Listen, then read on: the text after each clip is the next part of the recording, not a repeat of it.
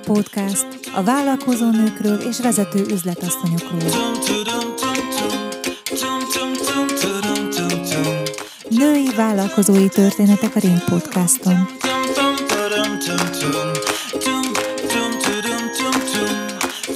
Ring Podcast két hetente a Spotify-on, a Google Podcaston és az Apple Podcast alkalmazásokon.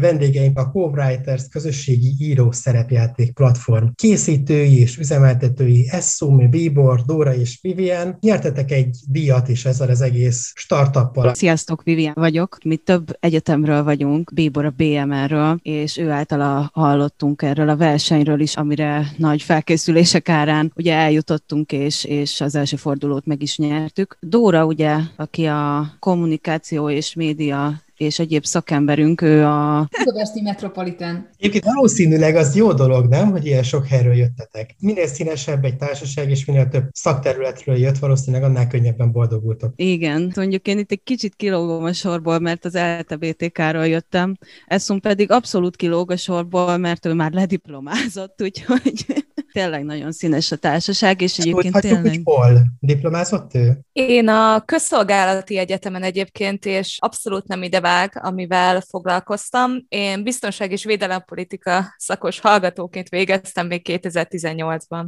De egyébként az abszolút látszik a társaságon, hogy jót tesz neki a sokszínűség, így a munkánk során már észrevettük. Ez itt a Ring Podcast. Ha van mondjuk egy közös történeted, vagy akár egy egyéni történeted, amit te magad készítettél, ugyanakkor az a része is igaz, hogy ehhez keresel magadnak társakat, akik egy karaktert eljátszanak ebben a történetben, és voltak éppen együtt írjátok ezt az egészet. Nem tudom, ismered esetleg a Dungeons and Dragons-t, ez hasonló mechanikára épül arra, hogy készít egy karaktert az adott játékos, sokkal rugalmasabb, sokkal kevesebb kötött szabályjal rendelkezik ez a műfaj, és voltak éppen a legegyszerűbb elfoglaltság, amit tud találni az ember, ha szerepjátékos érában keres, mi igazából azt tűztük ki célul, hogy ehhez a leginkluzívabb platformot elkészítjük a játékosoknak. Ez itt a Ring Podcast. Jó, megnyertétek a versenyt, és utána mi történik? Utána elmentünk karácsonyozni és beiglit enni.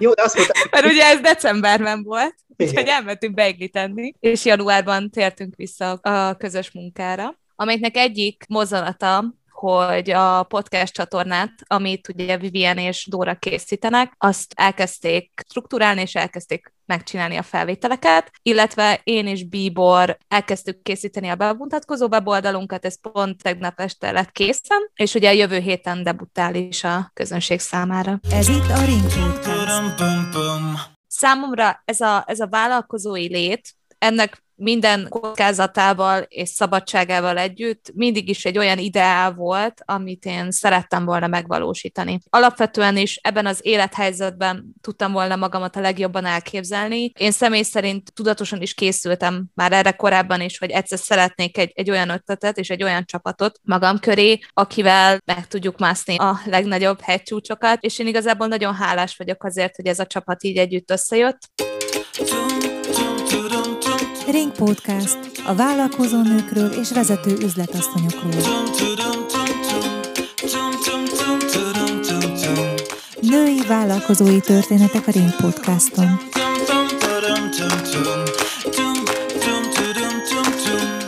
Iratkozz fel a Ring Podcast csatornájára a Spotify-on, a Google Podcaston és az Apple Podcast alkalmazásokon.